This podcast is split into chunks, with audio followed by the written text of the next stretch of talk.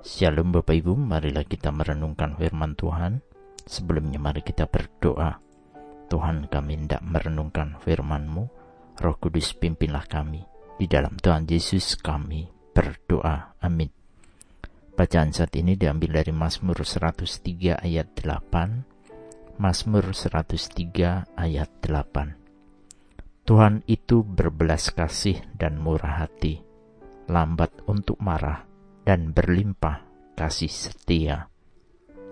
Di sepanjang kisah yang dituliskan di dalam Alkitab, digambarkan Allah yang mengasihi. Dia Allah yang lambat untuk marah dan berlimpah kasih setia. Itu adalah karakter Allah, Allah yang kasih, Allah yang setia.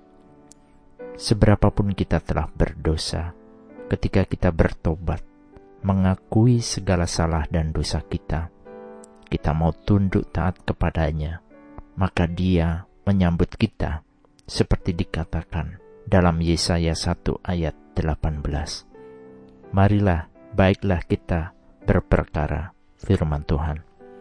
Sekalipun dosamu merah seperti kirmisi, akan menjadi putih seperti salju. Sekalipun berwarna merah seperti kain kesumba, akan menjadi putih seperti bulu domba. Mengenal Allah adalah mengenal pribadi yang karakter utamanya adalah kasih dan penuh pengampunan. Tetapi mungkin kita bertanya, kenapa jika Allah baik, Allah menghukum kita, Allah mengajar kita? Semua hukuman yang Allah berikan kepada kita saat kita di dunia adalah untuk kebaikan kita.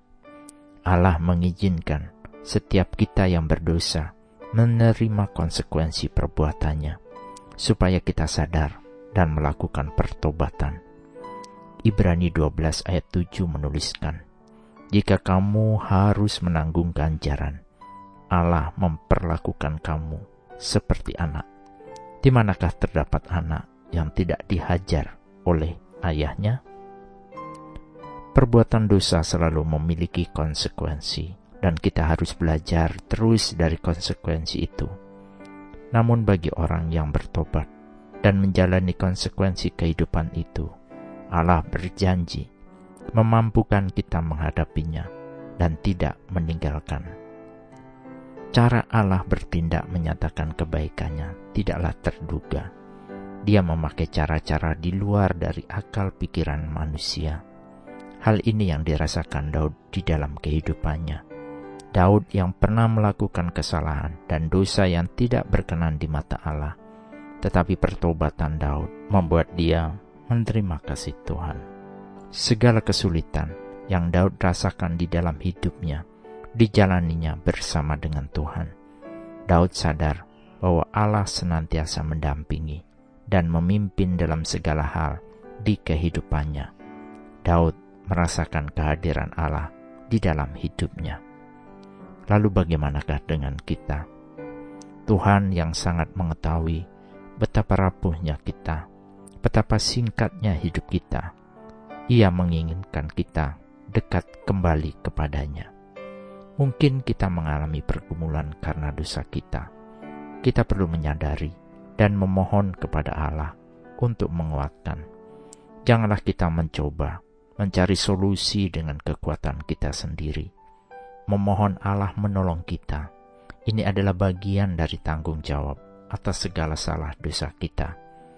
Allah punya caranya untuk mengangkat setiap anak-anaknya. Janganlah menolak didikan Allah. Dia menginginkan kita murni dalam iman percaya kita kepadanya. Percayalah bahwa Allah itu berbelas kasih dan berlimpah kasih setianya. Amin. Mari kita berdoa. Bapak Surgawi, sungguh kami bersyukur karena kasih Tuhan sungguh nyata dalam kehidupan kami.